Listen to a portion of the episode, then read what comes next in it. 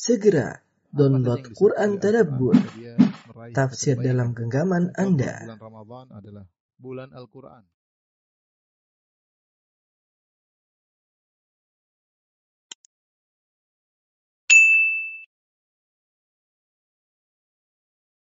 Bismillahirrahmanirrahim. Assalamualaikum warahmatullahi wabarakatuh. Alhamdulillahi ala ihsani wa syukru lahu ala taufiqihi wa amtinani. Asyhadu an la ilaha illallah wahdahu la syarika lahu ta'ziman li sya'ni. Wa asyhadu anna Muhammadan abduhu wa rasuluh da ila ridwani. Allahumma salli alaihi wa ala alihi wa ashabihi wa ikhwani. Ibu-ibu dan bapak yang dirahmati oleh Allah Subhanahu wa taala, kita melanjutkan bahasan kita dari tafsir surat Al-Baqarah dan masih pembahasan seputar wanita-wanita yang dicerai. Kita sampai pada ayat 236. Allah Subhanahu wa taala berfirman, "La junaha 'alaikum in talaqtumun nisaa ma lam tamassuhunna aw tafridu lahunna fariidah." ومتعوهن على الموسع قدره وعلى المقتر قدره متاعا بالمعروف حقا على المحسنين tidak ada dosa bagi kalian ya jika kalian menceraikan istri-istri kalian sebelum kalian bercampur dengan mereka dan sebelum kalian menentukan nominal maharnya. Dan hendaknya kalian berikan suatu mut'ah yaitu pemberian kepada mereka. Orang yang mampu menurut kemampuannya dan orang yang tidak mampu menurut kemampuannya pula. Yaitu pemberian menurut yang patut secara urf. Yang demikian itu merupakan ketentuan bagi orang-orang yang berbuat kebajikan. Ayat ini terkait dengan eh, kondisi jika jika seorang menceraikan istrinya, kemudian dia belum menggaulinya dan juga belum menemukan menentukan nominal mahar ketika dalam akad nikah dia tidak sebut maharnya berapa ya. Jadi dua persyaratannya tidak belum digauli dan nominal mahar juga belum disebut. Nominal mahar juga belum disebut. Kalau belum digauli dan nominal mahar belum disebut, maka tidak ada kewajiban untuk membayar mahar. Yang wajib hanyalah memberi namanya mut'ah. Mut'ah itu pemberian untuk menenangkan sang wanita ya. Karena wanita telah dinikahi ya, meskipun belum digauli ya, tetapi kemudian diceraikan. Maka di antara syariat yang indah yang Allah wajibkan bagi lelaki ketika mengalami kondisi seperti ini, dia ceraikan istrinya sebelum dia gauli, sebelum dia sentuh dan sebelum dia sebutkan nominal mahar, maka dia harus memberikan mut'ah yaitu semacam pemberian. Nah, pemberian tersebut kata Allah Subhanahu wa taala ditentukan sesuai dengan kadar kemampuan sang lelaki. Kata Allah Subhanahu wa taala, ya. Wa matti'uhunna 'alal musi'i qadaruhu. Maka berikanlah mut'ah itu berikan pemberian semacam hadiah. Mahar tidak tidak tidak perlu dibayarkan ya karena mahar tidak disebut ketika dalam pernikahan. Maka berikanlah mut'ah pemberian kepada istri kalian yang kalian cerai alal musi'i qadaruhu wa alal muqtiri qadaruhu. Sesuai dengan kemampuan. Kalau yang kaya hadiahnya tentu lebih banyak dan jika sang suami miskin maka pemberiannya juga sedikit. Mata'an bil ma'ruf sesuai dengan urf yang sepatutnya. Haqqan alal muhsinin dan ini adalah kewajiban bagi orang-orang yang berbuat ihsan yaitu yang menjalankan syariat Allah Subhanahu wa taala. Maka di sini ada namanya pembahasan namanya mut'ah. Mut'ah itu selain mahar selain mahar. Jadi uh, ketika terjadi pernikahan mahar ya meskipun tidak disebut dalam akad nikah pernikahan tetap sah. Pernikahan tetap tetap sah. Jadi masalah pernikahan ada beberapa kondisi. Kondisi pertama ketika menikah ya uh, mahar disebutkan. Saya nikahkan engkau dengan putriku dengan mahar sekian-sekian. Kemudian sang laki mengatakan, saya terima pernikahannya dengan mahar yang disebutkan. Nominal mahar disebutkan. Kondisi kedua, pernikahan tanpa menyebutkan mahar. Saya nikahkan putriku dengan kamu, kemudian sang laki berkata saya terima. Tidak disebut mahar. Maharnya nyusul nanti. Ya, ini juga sah. Ini juga sah. Yang ketiga, pernikahan dengan mengatakan saya menikahkan putriku denganmu tanpa mahar. Tanpa mahar, saya tidak mau terima mahar. Jadi gratisan gampangannya. Saya nikahkan putriku denganmu gratisan. Maka ini ada dua pendapat di kalangan para ulama. Pendapat pertama bahwa nikahnya batil, tidak sah. Ini pendapat Syekh Islam Taimiyah rahimahullah taala. Ya. E, karena Syekh Islam ber berdalil dengan wa uhilla lakum ma wara'a dzalikum an amwalikum. Dihalalkan bagi kalian untuk menikah dengan harta kalian. Jadi pernikahan tidak sah kecuali dengan suatu nominal mahar yang harus diberikan. Adapun akad nikah dengan mahar gratis ini hanyalah kekhususan Nabi Shallallahu alaihi wasallam. Nabi yang boleh menikah dengan uh, wanita jika wanita tersebut menghadiahkan dirinya kepada Nabi sallallahu alaihi wasallam sebagaimana Allah dalam surat Al-Ahzab kata Allah Subhanahu wa taala wa mu'minatan in wahabat nafsaha lin nabi in arada an-nabiyyu ayastankihaha khalisatan laka min dunil mu'minin. Jika ada seorang wanita mukminah yang menghadiahkan menghibahkan dirinya kepada Nabi artinya dinikahi tanpa mahar. Jika Nabi ingin menikahinya maka ini boleh bagi Nabi namun khalisatan laka min dunil mu'minin hanya untuk Nabi sallallahu alaihi wasallam. Adapun selain kaum mukminin maka tidak boleh. Nah, kalau ada orang lelaki menikahkan putrinya gratis, maka ada dua pendapat di kalangan para ulama. Ada yang mengatakan nikahnya tidak sah karena akadnya batil tanpa ada tanpa ada maharnya dan Allah telah mengatakan wa lakum ma wara'a dzalikum an tabtagu bi amwalikum. Kalau kau ingin menikah maka dengan harta kalian harus ada sesuatu yang bernilai berupa harta sebagai mahar. Ini pendapat Syekh Islam Taimiyah. Pendapat ulama yang lain akadnya tetap sah tetapi syarat tersebut tidak dipakai. Sang wanita harus tetap dibayarkan mahar dengan mahar namanya mahar misal. Itu mahar yang dibayarkan kepada sang wanita sesuai dengan biasanya wanita seperti dia. Itu namanya mahru al-misli. Jadi pernikahan tetap sah, cuma maharnya ukurannya sesuai dengan wanita yang seperti dia. Misalnya ada seorang laki, misalnya dari suku tertentu, dia nikahkan putrinya. Dia bilang saya nikahkan putriku dengan kamu gratisan. Maka menurut Ibnu Taimiyah akad batal.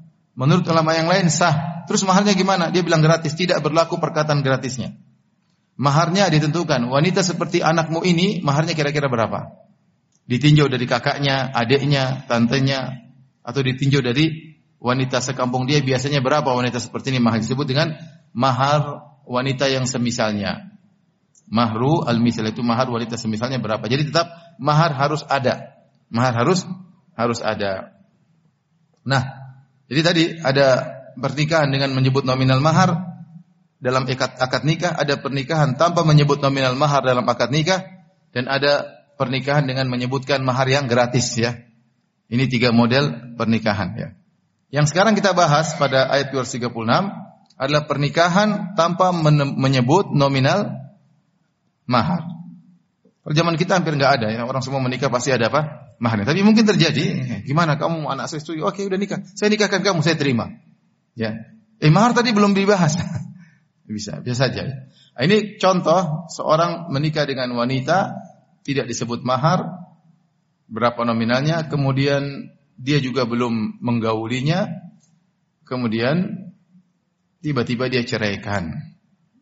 Dalam kondisi seperti ini, maka tidak wajib dia bayar mahar karena mahar memang belum disebutkan. Terus apa? Yang dia bayarkan adalah mut'ah. Mut'ah yaitu pemberian. Pemberiannya sesuai dengan urf masyarakat. Tujuannya untuk menenangkan hati sang wanita. Dia telah dicerai. Dinikah kemudian dicerai, maka diberikan pemberian hadiah. Ya, yang sewajarnya yang menyenangkan dia. Berapa nominal pemberian hadiah tersebut kembali kepada kondisi sang lelaki. Jika sang laki orang kaya, maka dia berikan yang patut sepatutnya seberapa. Jika dia orang miskin, dia juga memberikan sepatutnya berapa. Kalau terjadi perselisihan berapa-berapanya kembali kepada hakim, hakim yang menentukan. Ini wajarnya sekian, ini wajarnya sekian. Tapi harus ada pemberian yang diberikan kepada sang wanita untuk menenangkan hatinya yang disebut dengan mut'ah. Disebut apa? Mut'ah. Bukan nikah mut'ah ya, bukan ya. Ini mut'ah, hadiah yang diberikan kepada sang wanita. Disebut Allah mengatakan haqqal alal muhsinin berarti hukumnya wajib. haqqan karena Allah mengatakan haqqan berarti wajib.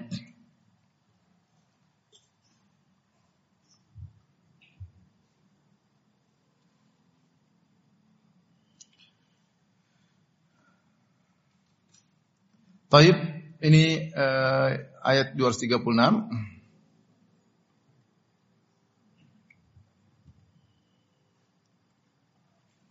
Jadi firman Allah Subhanahu wa taala perhatikan uh, la junaha alaikum in talaqtumun nisa ma lam tamassuhunna. Tidak tidak mengapa bagi kalian tidak dosa bagi kalian jika kalian mencerai wanita sebelum kalian menyentuhnya. Almas menyentuh di sini maksudnya menjimainya, menjimaknya. Ya. Kalau sudah jima, mahar harus dibayar. Ya. Mahar harus di, dibayar. Para ulama khilaf tentang jika wanita tersebut belum dijima tapi sudah sempat berduaan di kamar. Jadi pas akad nikah mereka berdua di kamar, kemudian sang wanita sudah sang laki sudah buka kerudungnya, mungkin sudah dicium, sudah dipegang tapi belum dijimai. Bagaimana hukumnya?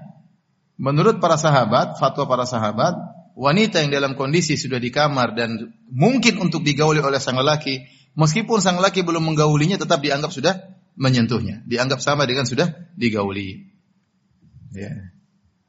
Adapun ayat yang kita bahas ini belum digauli dan belum mendapatkan posisi yang memungkinkan dia untuk menggauli, kemudian dia ceraikan, maka ini eh, tidak ada mahar tetapi harus bayar mut'ah. Paham Bapak-bapak? Ini ilmu, ilmu ya. Mungkin tidak terjadi di zaman kita ya. Tapi pernah terjadi di zaman dahulu. Kalau di zaman kita kemungkinannya kecil karena kita begitu akad nikah langsung malam pertama ya. Akad nikah malam pertama terkadang bukan malam pertama langsung siang pertama ya. Kalau nikahnya pagi. Kalau di Arab sana ada kemungkinan mereka nikah setelah nikah ada jeda. Jeda untuk kumpul bareng. Ketika dalam masa jeda tersebut dua bulan, tiga bulan, lima bulan, enam bulan bisa terjadi apa yang terjadi? Bisa terjadi perceraian sebelum apa? Sebelum pernikahan.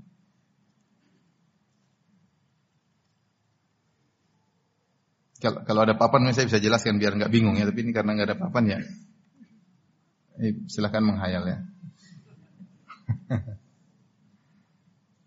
Taib.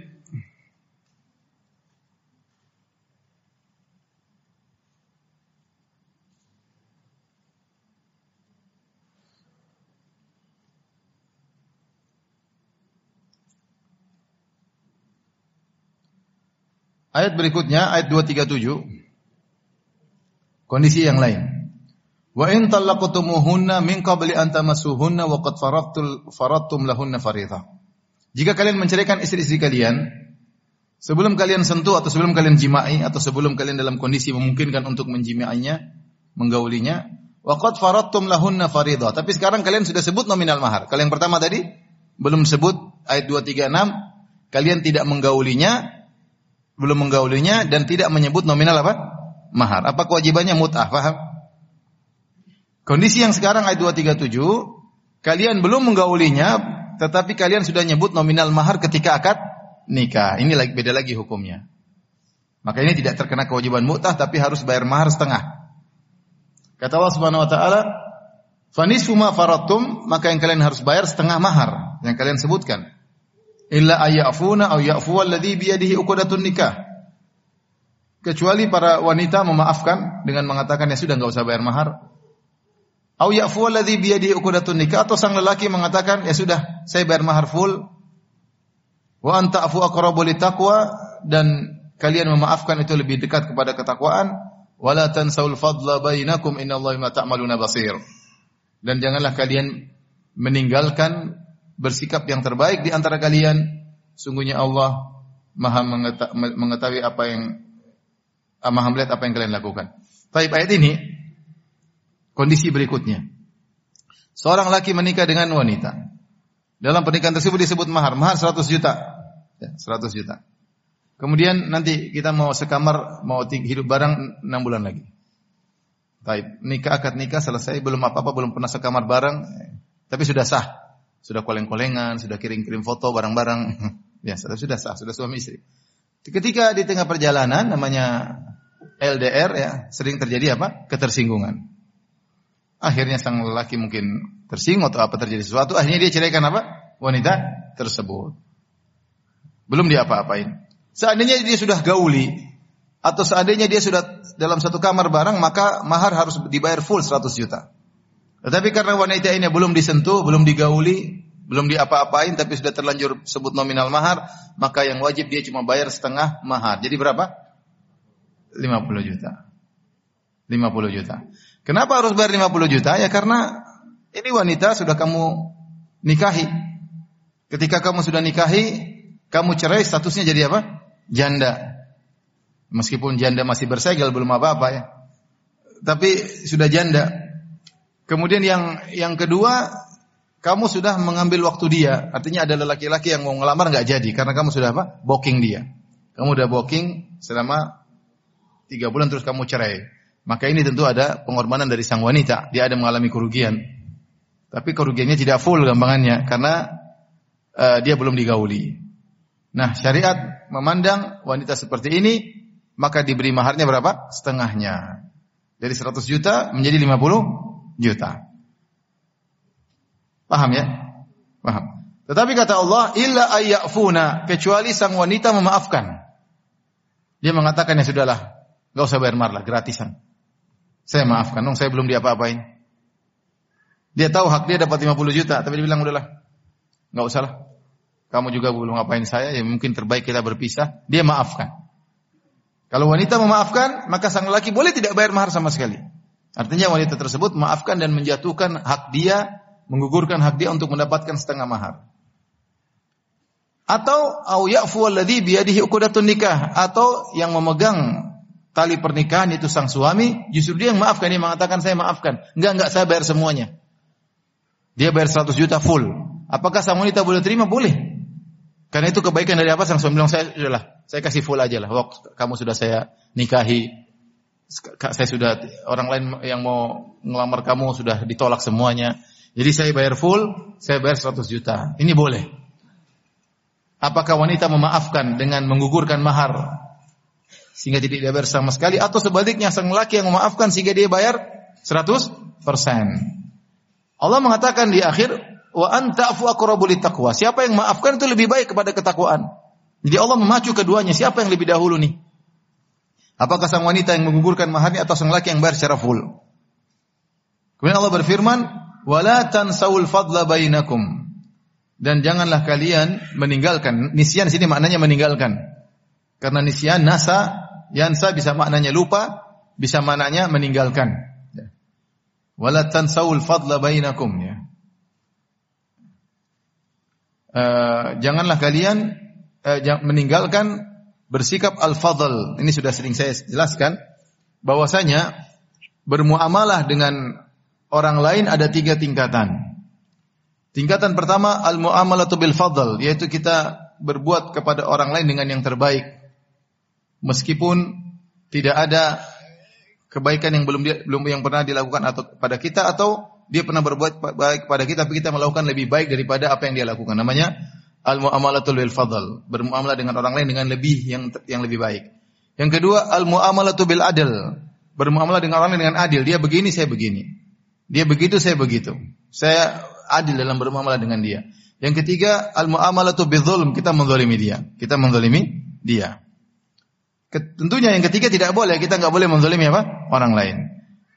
Minimal kita berbuat adil, Ya, berbuat adil kalau dia baik dia waktu saya dia waktu ngundang saya ke rumahnya dia cuma kasih makan saya tempe goreng. Waktu dia ke rumah saya juga saya kasih tempe goreng ya.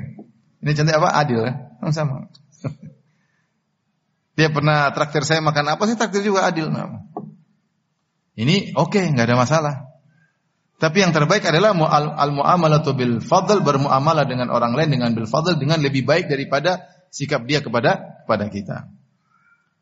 Atau bahkan dia tidak pernah punya kebaikan sama kita sama sekali, kita berbuat baik sama dia. Itu namanya bil fadl.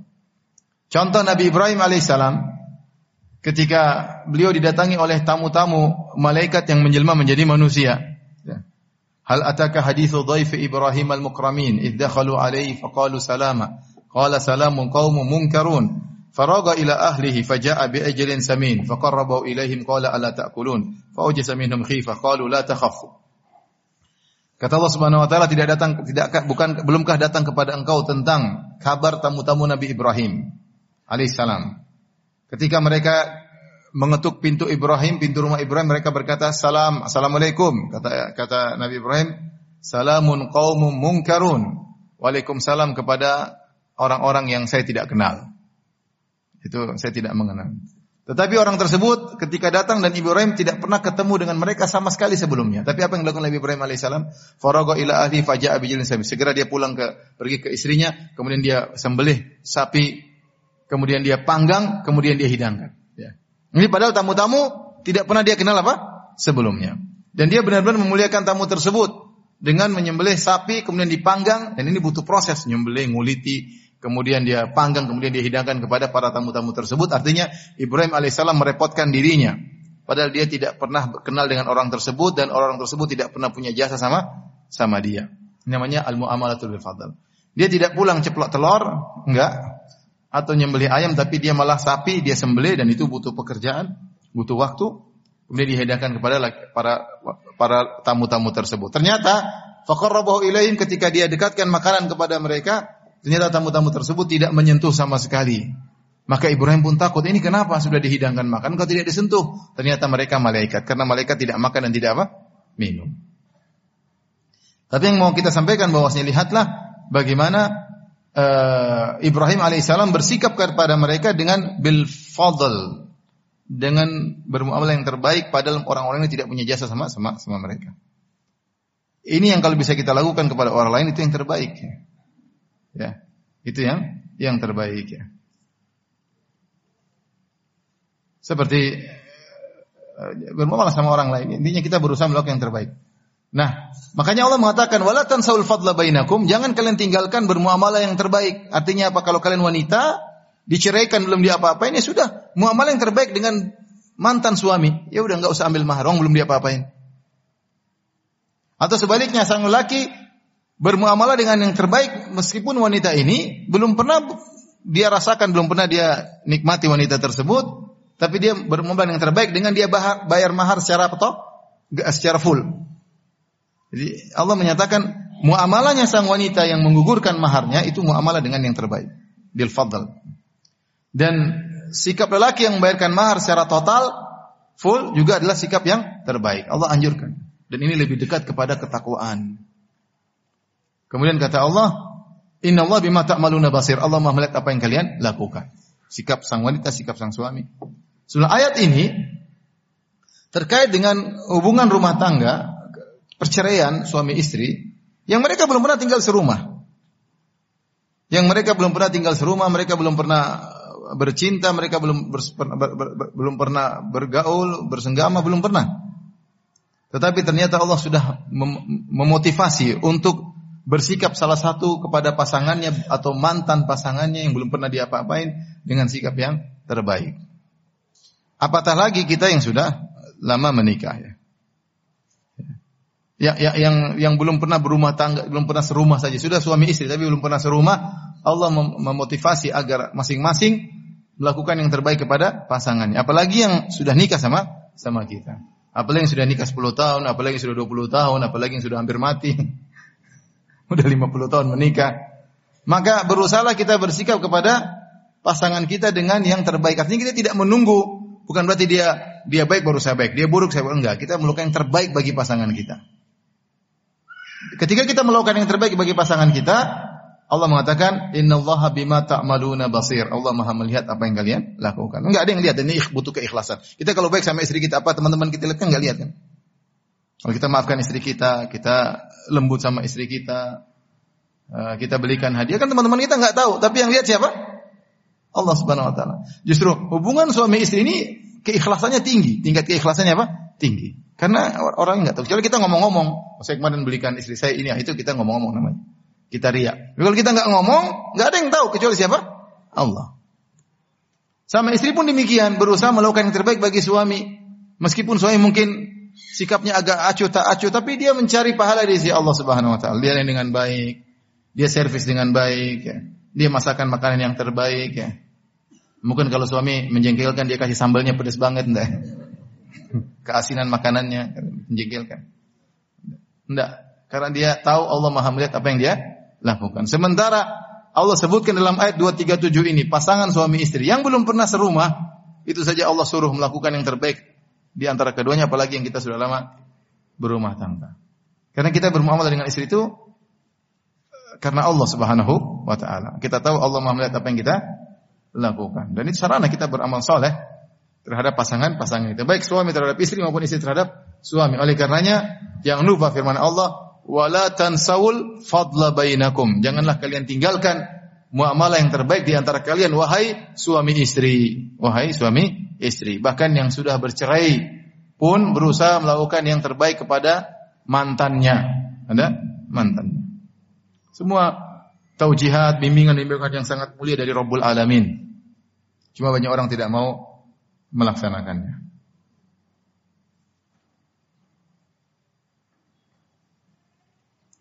Itulah eh, dalam bersikap kepada siapa pun kita berusaha yang terbaik. Jadi kita saya katakan tadi bermuamalah kepada orang ada tiga. Ada namanya al muamalatu bil fadl yang tadi yang kita sebutkan. Yang kedua bil adil dengan keadilan. Yang ketiga bizulm dengan berbuat zalim. Kita mengurangi hak orang ini tidak boleh. Yang bil fadl banyak sesama suami istri kita melakukan yang terbaik. Tidak tunggu istri kita baik baru kita baik enggak.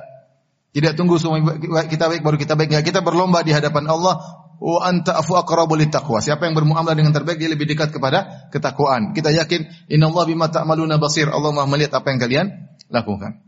Seperti sabda Nabi sallallahu alaihi wasallam rahimallahu ra'an samman idza ba'a samhan idza ishtara samhan idza iqtada.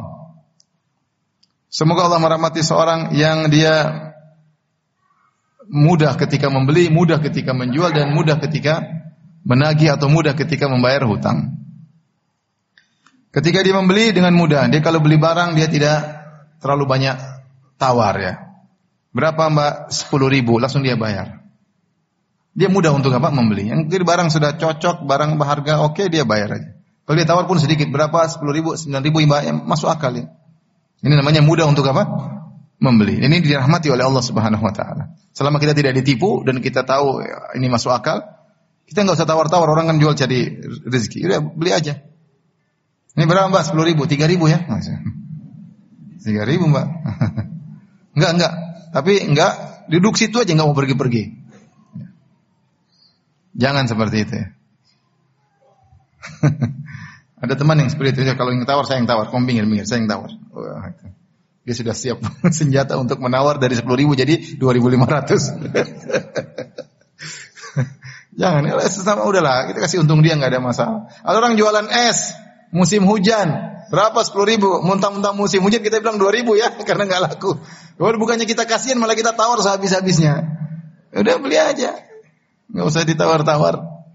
Samhan ida ida ba'a dan mudah juga untuk ketika menjual. Orang jual jual barang, kita jual misalnya seratus ribu, ada yang tawar tujuh puluh ribu, kita lihat masih dapat untung, sudah lepas aja. Nah, enggak, satu rupiah pun saya enggak turunkan.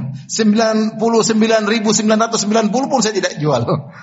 Seratus ribu. Enggak ada orang jual seperti itu. Enggak, enggak ada turun. Pas. Harga mati. Pas. Enggak bisa turun. Ya kalau kita merasa masih ada untung, lepasin aja enggak ada masalah. Nanti ada rezeki yang lain. Ada rezeki yang, yang lain. Nanti beli barang lagi, jual lagi insya Allah. Kita niatkan Allah Maha melihat apa yang kita lakukan. Kita jual, dia beli harga cocok, dia senang, kita menyenangkan orang, dapat pahala.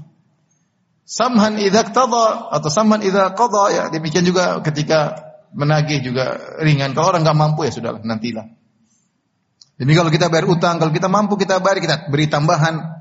Nah apa-apa kalau kan kita bayar utang, kita pinjam uang satu juta, kita bayar satu juta harus boleh, tapi tidak tidak boleh ada kesepakatan dan kita melunasinya memberi tambahan tersebut di penghujung, di penghujung. Kalau di tengah-tengah nggak boleh, tengah-tengah nggak boleh. Saya si A utang sama si B, Utang satu juta. Janji satu bulan. Di tengah-tengah, tengah bulan, belum belum jatuh tempo, jatuh satu bulan, tengah bulan, dia belikan kue, hadiah bagi itu tidak boleh. Ini kue riba. kue apa? Kue riba. Tapi kalau kue riba tersebut dibayar terakhir pas pelunasan gak ada masalah. Selama tidak ada kesepakatan se sebelumnya. Tambahan itu diletakkan di tengah-tengah tidak tidak boleh. Kalau terakhir boleh. Taib. Uh, ini ayat 237. Kita lanjutkan.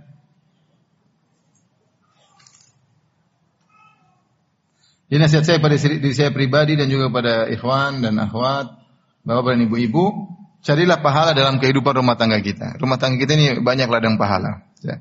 Jangan kita siang kita tiap hari kita bertemu istri, tiap hari bertemu anak-anak, tiap hari menjalani kehidupan rumah tangga, telepon, WA, lakukan yang terbaik bagi pasangan kita. Dengan mengharap pahala dari Allah Subhanahu wa taala ya. Dan mereka adalah orang yang lebih utama kita baikin daripada selain mereka, suami kita atau istri kita. Baik, kita lanjutkan.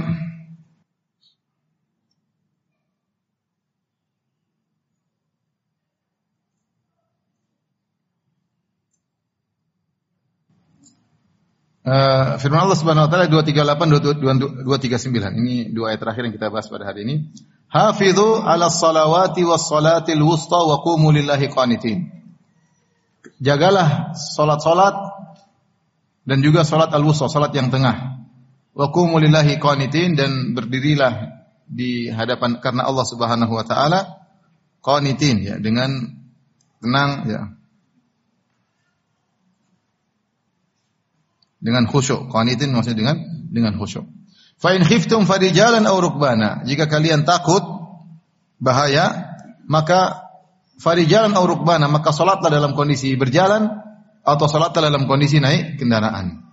Fa idza amintum jika kalian sudah merasa aman, fazkurullaha maka berzikirlah kepada Allah itu salatlah kalian kama allamakum ma lam takunu ta'lamun sebagaimana yang telah Allah ajarkan kepada kalian yang sebelumnya kalian tidak mengetahui. Baik. Ini ayat pertama ayat 238 hafizu ala salawati jagalah salat. Allah tidak mengatakan ihfazus salawat tapi Allah mengatakan hafizu al-muhafadzah itu lebih lebih al-muhafadzah lebih kuat daripada ihfaz. Jadi jagalah dengan penuh perhatian dan kontinu. Hafizu. Hafizu ala salawat. Jagalah salat-salat. Yang maksudlah salat di sini adalah salat al-maktubah. Itu salat lima, lima waktu. Jagalah salat-salat. Jangan sampai kalian tinggalkan. Kerjakan dengan sebaik-baiknya. Ingat waktunya. Jangan kalian tunda. Kemudian Allah khususkan. Wassalatil wusta terutama sholat yang tengah. Jadi misalnya kita bilang sama orang, jagalah lima anakku dan jagalah si fulan di antara anak salah satunya mungkin dia cacat atau dia sakit. Kita mungkin seorang mengatakan jagalah anak-anakku lima ini dan jangan lupa anak ketiga misalnya anak keempat. Ya, ketika kita menyebutkan secara khusus anak keempat atau anak ketiga berarti dia harus ada perhatian lebih spesifik, paham? Paham ya? Ini maksudnya. Hafidhu jadi Eh, seperti Allah berfirman, "Innal ladzina amanu wa amilus solihat." Sungguhnya orang beriman dan beramal soleh. Amal soleh bagian dari iman, tapi disebutkan secara tersendiri agar diperhatikan lebih spesifik. Innal ladzina amanu seperti mengatakan datang para ulama dan juga datang Syekh bin Bas rahimahullah misalnya.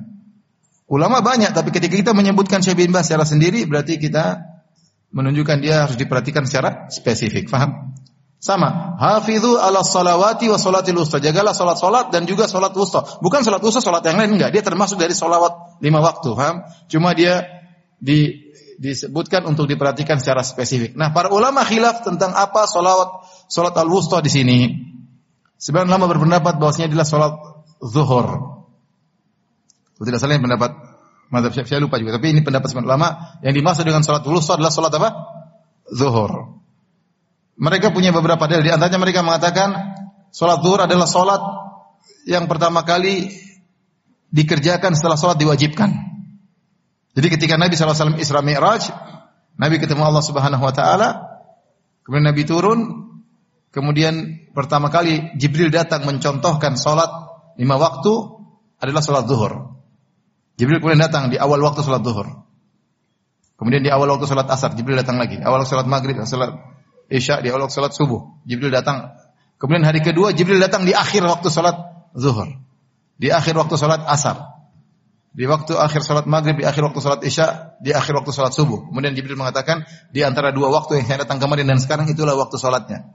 Tetapi yang pertama kali Jibril alaihissalam datang mencontohkan waktu uh, salat adalah salat zuhur. Sehingga dia adalah salat yang utama. Yang kedua, kata mereka salat zuhur adalah salat yang tengah. Dia di antara dua solat yang dikerjakan di apa namanya uh, di malam hari yaitu isya dan subuh, kemudian juga uh, antara maghrib dan apa eh antara asar dan apa yang sholat siang antara asar dan maghrib. Yang dikerjakan ketika matahari masih masih masih masih kelihatan masih terang. Maghrib juga masih terang masih kelihatan. Sehingga dia bilang zuhur itulah yang tengah. Zuhur yang tengah. Ini pendapat karena mereka mengatakan zuhur di tengah antara dua sholat yang dikerjakan dalam kegelapan dan dua sholat yang dikerjakan masih kelihatan orang-orang yaitu sholat zuhur zuhur itu antara isya dan subuh yang dikerjakan dalam kegelapan dan antara asar dan maghrib yang dikerjakan masih orang-orang masih kelihatan. Dapat yang kedua mengatakan solat wusta adalah solat maghrib. Solat maghrib adalah solat yang tengah. Kenapa? Karena dia sendiri yang ganjil. Dia sendiri yang apa? Ganjil. Zuhur, asar, genap. Isya, subuh apa? Genap. Yang ganjil cuma solat maghrib. Namun pendapat yang lebih kuat, ada Al-Qurtubi menyebutkan sekitar 10 pendapat tentang khilaf makna dari salat al-wusta. Yang benar Allah alam bisawab salat al-wusta maksudnya salat asar. Salat asar. Ya. Dalilnya apa? Dalilnya karena Rasulullah menamakan salat wusta dengan salat asar. Dalilnya hadis Nabi Shallallahu alaihi wasallam. Ketika terjadi perang Khandaq, ketika terjadi uh, perang Khandaq, ketika itu kaum musyrikin menyerang dengan luar biasa, ya. Sehingga kaum muslimin tidak sempat untuk melaksanakan sholat asar. Hujan anak panah begitu banyak. Sehingga mereka tidak menemukan celah waktu untuk sholat asar berjamaah. Akhirnya mereka diserang, mereka diserang, mereka diserang, sampai akhirnya Rasulullah SAW tidak sempat sholat asar. Rasulullah SAW berkata, ketika itu syagaluna an salatil wusta salatil asar. Mala Allahu kuburahum wa ajwafahum nara. Mereka telah membuat kita tidak bisa sholat asar, sholat wusta. Semoga Allah memenuhi kuburan mereka dan memenuhi mulut mereka dengan api. Di sini dalam hadis ini Rasulullah SAW menamakan salat al-wusta dengan salat apa? Asar. Dan kalau kita lihat salat asar dari sisi tengah-tengah ya, kita bisa tinjau tengah juga. Kenapa salat asar? Salat asar adalah salat di antara dua salat yang dikerjakan setelah terbit mata setelah terbit fajar dan dua salat yang dikerjakan setelah terbenam apa? matahari. Ya karena salat salat asar itu antara Sebelumnya adalah sholat subuh dan sholat apa? Zuhur. Itu sejak matahari apa, fajar terbit. Karena hari dimulai dengan terbitnya fajar. Paham? Kemudian hari ditutup dengan terbenamnya mata matahari. Nah, matahari terbenam ada dua sholat lagi, sholat maghrib sama sholat isya. Sehingga dari sini kita tahu sholat wusta adalah sholat apa? Asar. Berdasarkan juga sabda Nabi SAW dalam hadis tadi, syagaluna an sholatil wusta sholatil asr. Mala Allahu kuburahum wa ajwafahum nara. Mereka telah membuat kita sibuk sehingga tidak bisa salat tengah, salat asar. Semoga Allah memenuhi kuburan mereka dan mulut-mulut mereka dengan api neraka. Kemudian uh, yang berikutnya salat asar adalah salat yang berat untuk dikerjakan. Terutama orang sudah pulang kerja, asar pinginnya istirahat, pinginnya apa? Tidur, pinginnya tidur. Sehingga banyak orang yang lewat sholat asarnya atau terlambat tertunda sholat asarnya. Maka perlu diperhatikan sholat ini sholat yang utama. Maka dalam hadis Rasulullah SAW mengatakan, Man taraka sholat al-asri faqad habita amaluhu. Siapa yang meninggalkan sholat asar maka telah gugur amalannya. Telah gugur amalannya. Ada khilaf di kalangan para ulama maksud apanya, maksud sabda Nabi, siapa yang meninggalkan sholat asar maka telah gugur amalannya. Dia mengatakan gugur amalannya seharian penuh gara-gara dia tinggalkan sholat asar. Yang mengatakan dia uh, keluar dari Islam karena meninggalkan salat apa? Asar. Allah alam bisawab. Intinya salat asar penting. Sampai Rasulullah SAW mengatakan, "Man tarak taraka salat al-asr faqad habita amaluh." Siapa yang meninggalkan salat asar maka telah gugur amalannya. Demikian juga Rasulullah SAW mengatakan, "Man shallal bardaini dakhalal jannah." Siapa yang salat dua salat yang dingin, maka dia masuk surga. Salat salat al-bardaini, dua salat yang dingin, para ulama mengatakan maksudnya salat asar uh, dan sholat subuh, sholat asar dan sholat subuh.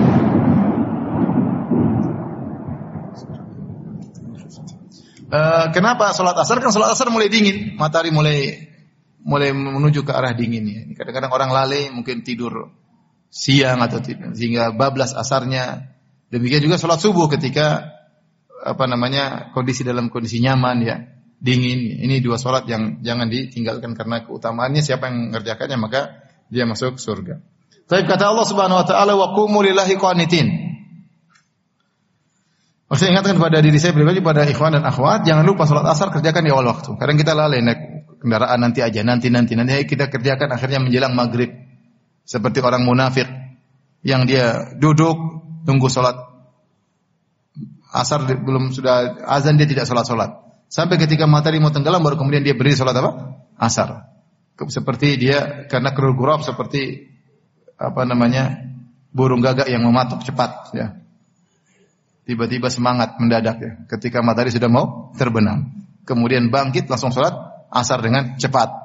Ini sholat orang munafik. Tidak dikerjakan sholat asar pada waktunya. Dia tunggu-tunggu sampai menjelang terbenam matahari. Itu tilka sholatil munafik. Tilka sholatul munafik. Kata Nabi Wasallam itulah sholatnya orang munafik.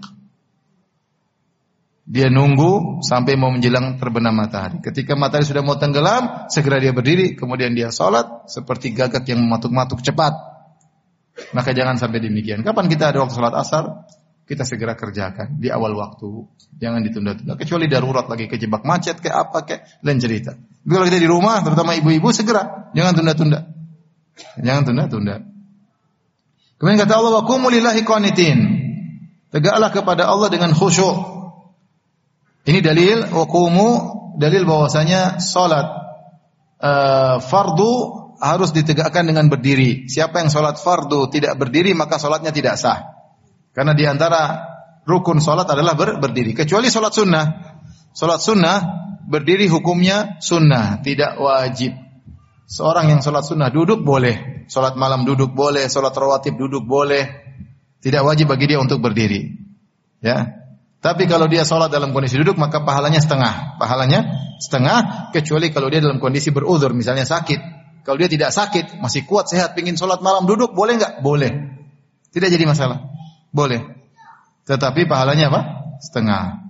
Adapun sholat fardu tidak boleh seorang mengerjakan sholat fardu dengan dalam kondisi duduk. Dia harus berdiri. Kecuali sakit, kecuali ada uzur. Rasulullah SAW bersabda, "Shalli qa'iman." Salat dalam kondisi berdiri. Fa illam tastati' Faqaidan kalau kau tidak mau berdiri maka duduklah. Fa ilam tastati' fa ala jam kalau kau tidak mampu maka berbaringlah di atas lambungmu kemudian salat enggak ada masalah. Tapi kalau mampu untuk berdiri maka tidak sah salat fardu kecuali dalam kondisi apa? Berdiri, tidak boleh. Wa qumu berdirilah ketika salat karena Allah Subhanahu wa taala.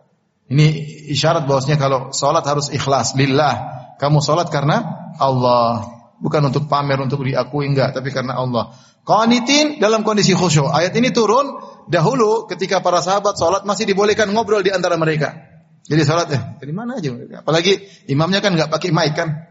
Udah ngomong di belakang ngomong sudah sudah mau rukuk Zaman dulu para sahabat masih boleh bicara. Sehingga akhirnya turunlah ayat ini sejak turun ayat ini tidak boleh lagi bicara. Siapa yang berbicara maka sholatnya batal maka siapa yang berbicara salatnya batal. Oleh karenanya kalau dalam salat ada yang bersin, Allah shim, dia bilang alhamdulillah. Dia boleh bilang alhamdulillah karena dia sedang memuji Allah Subhanahu wa taala. Tapi yang dengar tidak boleh bilang yarhamukallah. Kenapa? Karena dia bilang yarhamukallah artinya semoga Allah Allah merahmatimu, berarti dia bicara dengan yang ber, bersin, maka salatnya batal. Seperti kisah Muawiyah uh, bin Al-Hakam As-Sulami Ketika dia salat, kemudian ada sahabat yang bersin, kemudian bilang alhamdulillah. Kemudian dia jawab, ya rahmukallah. Maka semua sahabat ngelihat dia. Dia bilang, apa ngapain lihat-lihat? Dia ngomong lagi. Akhirnya mereka nggak bisa jawab karena batal kalau dia nggak tahu hukumnya kalau bicara itu batal. Akhirnya sahabat akhirnya mukul-mukul paham mereka supaya dia apa? Diam. Ya. Ini nggak tahu ya.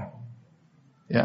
Kalau kalau sholat sengaja bicara dengan orang lain maka sholatnya batal. Kalau nggak sengaja, nggak batal, nggak nggak tahu, ya nggak sengaja kelepasan, eh, eh oh, itu nggak nggak sengaja. Eh, latah, lihat ada bahaya latah ngomong, nggak nggak nggak nggak nggak sengaja ya. Itu tidak jadi tidak jadi masalah.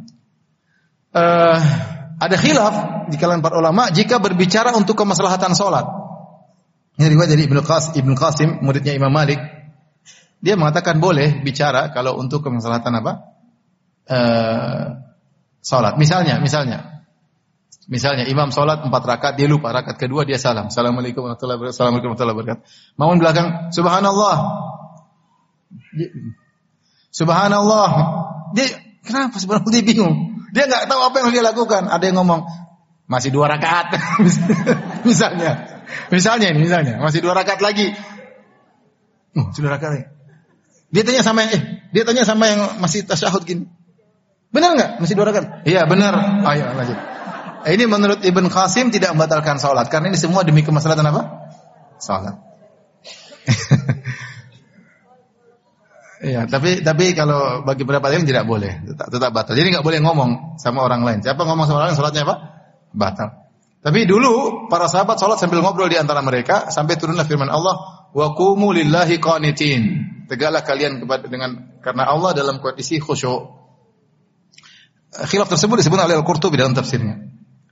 Baik, kemudian Allah bercerita atau menyebutkan tentang kondisi yang spesifik yang di mana orang-orang boleh Salat tanpa harus uh, khusyuk secara tubuh, tanpa harus uh, berdiri menghadap kiblat, yaitu dalam kondisi darurat. Allah berkata, "Fa in khiftum farijalan aw rukbana." Jika kalian dalam kondisi ketakutan, maka kalian boleh salat dalam kondisi berdiri, berjalan, dalam kondisi berjalan dan dalam kondisi naik kendaraan. Nah, uh, salat khauf ada dua model ya.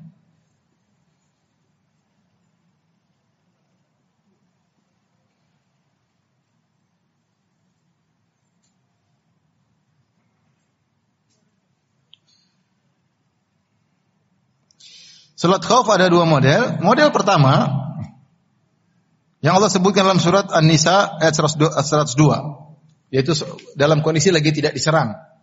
Pasukan lagi perang tapi dalam kondisi tidak diserang mereka salat khauf yang dibuat dua dua baris, yang satu ruku, sujud, yang satu tetap berdiri baris belakang. Nanti pindah yang depan maju yang intinya ini ada delapan model. Cara ini ada delapan model. Ini dalam kondisi lagi tidak di diserang. Ini nama salat khauf yang diriwayatkan ada delapan model cara sholat khauf. Terserah kita pilih yang mana boleh. Saya sebutin dalam bekal sholat. Intinya, ketika tidak diserang maka imam membuat dua baris. Ya, sambil sholat sambil pegang apa? Senjata. Ketika di depan nanti sujud, di belakang tidak sujud, berdiri sambil mengawasi. Nanti gantian kalau yang depan berdiri baru yang di belakang apa? Sujud. Ini sholat khauf ketika tidak diserang. Sholatnya seperti tadi ada delapan metode. Salat khauf model kedua ketika dalam kondisi darurat. Ketika lagi salat tiba-tiba diserang, bagaimana cara salatnya sambil ber, sambil berperang? Sambil berjalan, sambil berlari, sambil naik kuda ber, ini boleh. Ketika karena tidak mungkin dia salat biasa dia bakalan dibunuh, maka dia tidak batalkan salatnya, dia lanjutkan apa? Salatnya kemudian dia tetap salat dalam kondisi demikian. Ini yang kata Allah fa in khiftum farijalan aw rukbana. Jika kalian takut bahaya, Kalian boleh sholat dalam kondisi berjalan ataupun naik kendaraan, boleh. Dan para ulama menyebutkan juga bukan dalam kondisi perang saja. Misalnya kalian sholat dikejar macan, jangan pasrah ya. Macan datang, kemudian Bismillah kata. siap dimakan sama macan, enggak kabur.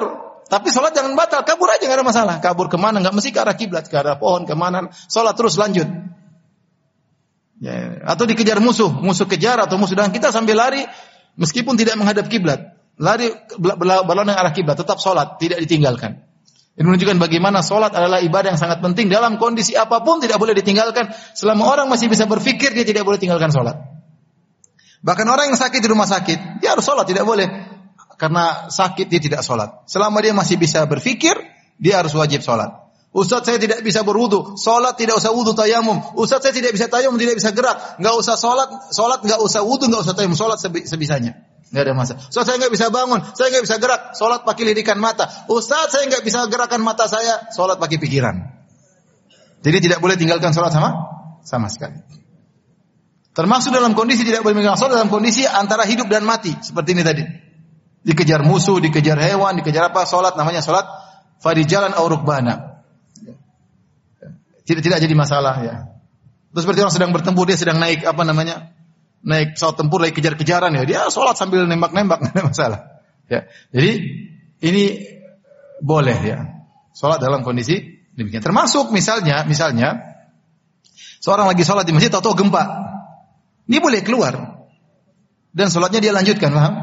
Dia lanjutkan ke arah luar masjid, dia lanjutkan. Kalau misalnya lagi berjamaah, bu ya masing-masing. Kabur, tidak mesti sholatnya dibatalkan, paham? Kalau memang bahaya dia takut ya, dia tidak harus bertahan dalam masjid ya. Karena khawatir terjadi apa yang terjadi di dalam rumah lagi sholat sunnah. Maka kemudian gua dia boleh kabur dan dia lanjutkan apa? Sholatnya. Dia lanjutkan sholatnya di luar rumah kalau ada kesempatan hadap kiblat. Kalau enggak, enggak apa-apa. Yang penting dilanjutkan sholat karena dia sedang menyelamatkan apa? Jiwanya. Paham? Fa in khiftum farijalan aw rukbana. Fa idza amintum kalau kalian sudah merasa aman, fadhkurullaha kama 'allamakum. Maka berzikirlah kepada Allah. Maksudnya berzikir kepada Allah, salatlah kalian. Karena salat adalah zikrullah. Fadhkurullah, berzikirlah kepada Allah. Maksudnya salatlah kalian kama 'allamakum ma lam takunu ta'lamun sebagaimana Allah telah mengajarkan kalian apa yang kalian dahulu tidak mengetahuinya. Asalnya kita ini manusia bodoh diajarin oleh Allah Subhanahu wa taala. Antaranya Allah mengajarkan kita bagaimana cara salat dan kalau kita sudah aman salatlah sebagaimana biasanya kata Allah Subhanahu wa taala. Tapi demikian saja Ikhwan dan akhwat bapak dan ibu-ibu yang dirahmati Allah Subhanahu wa taala kajian kita.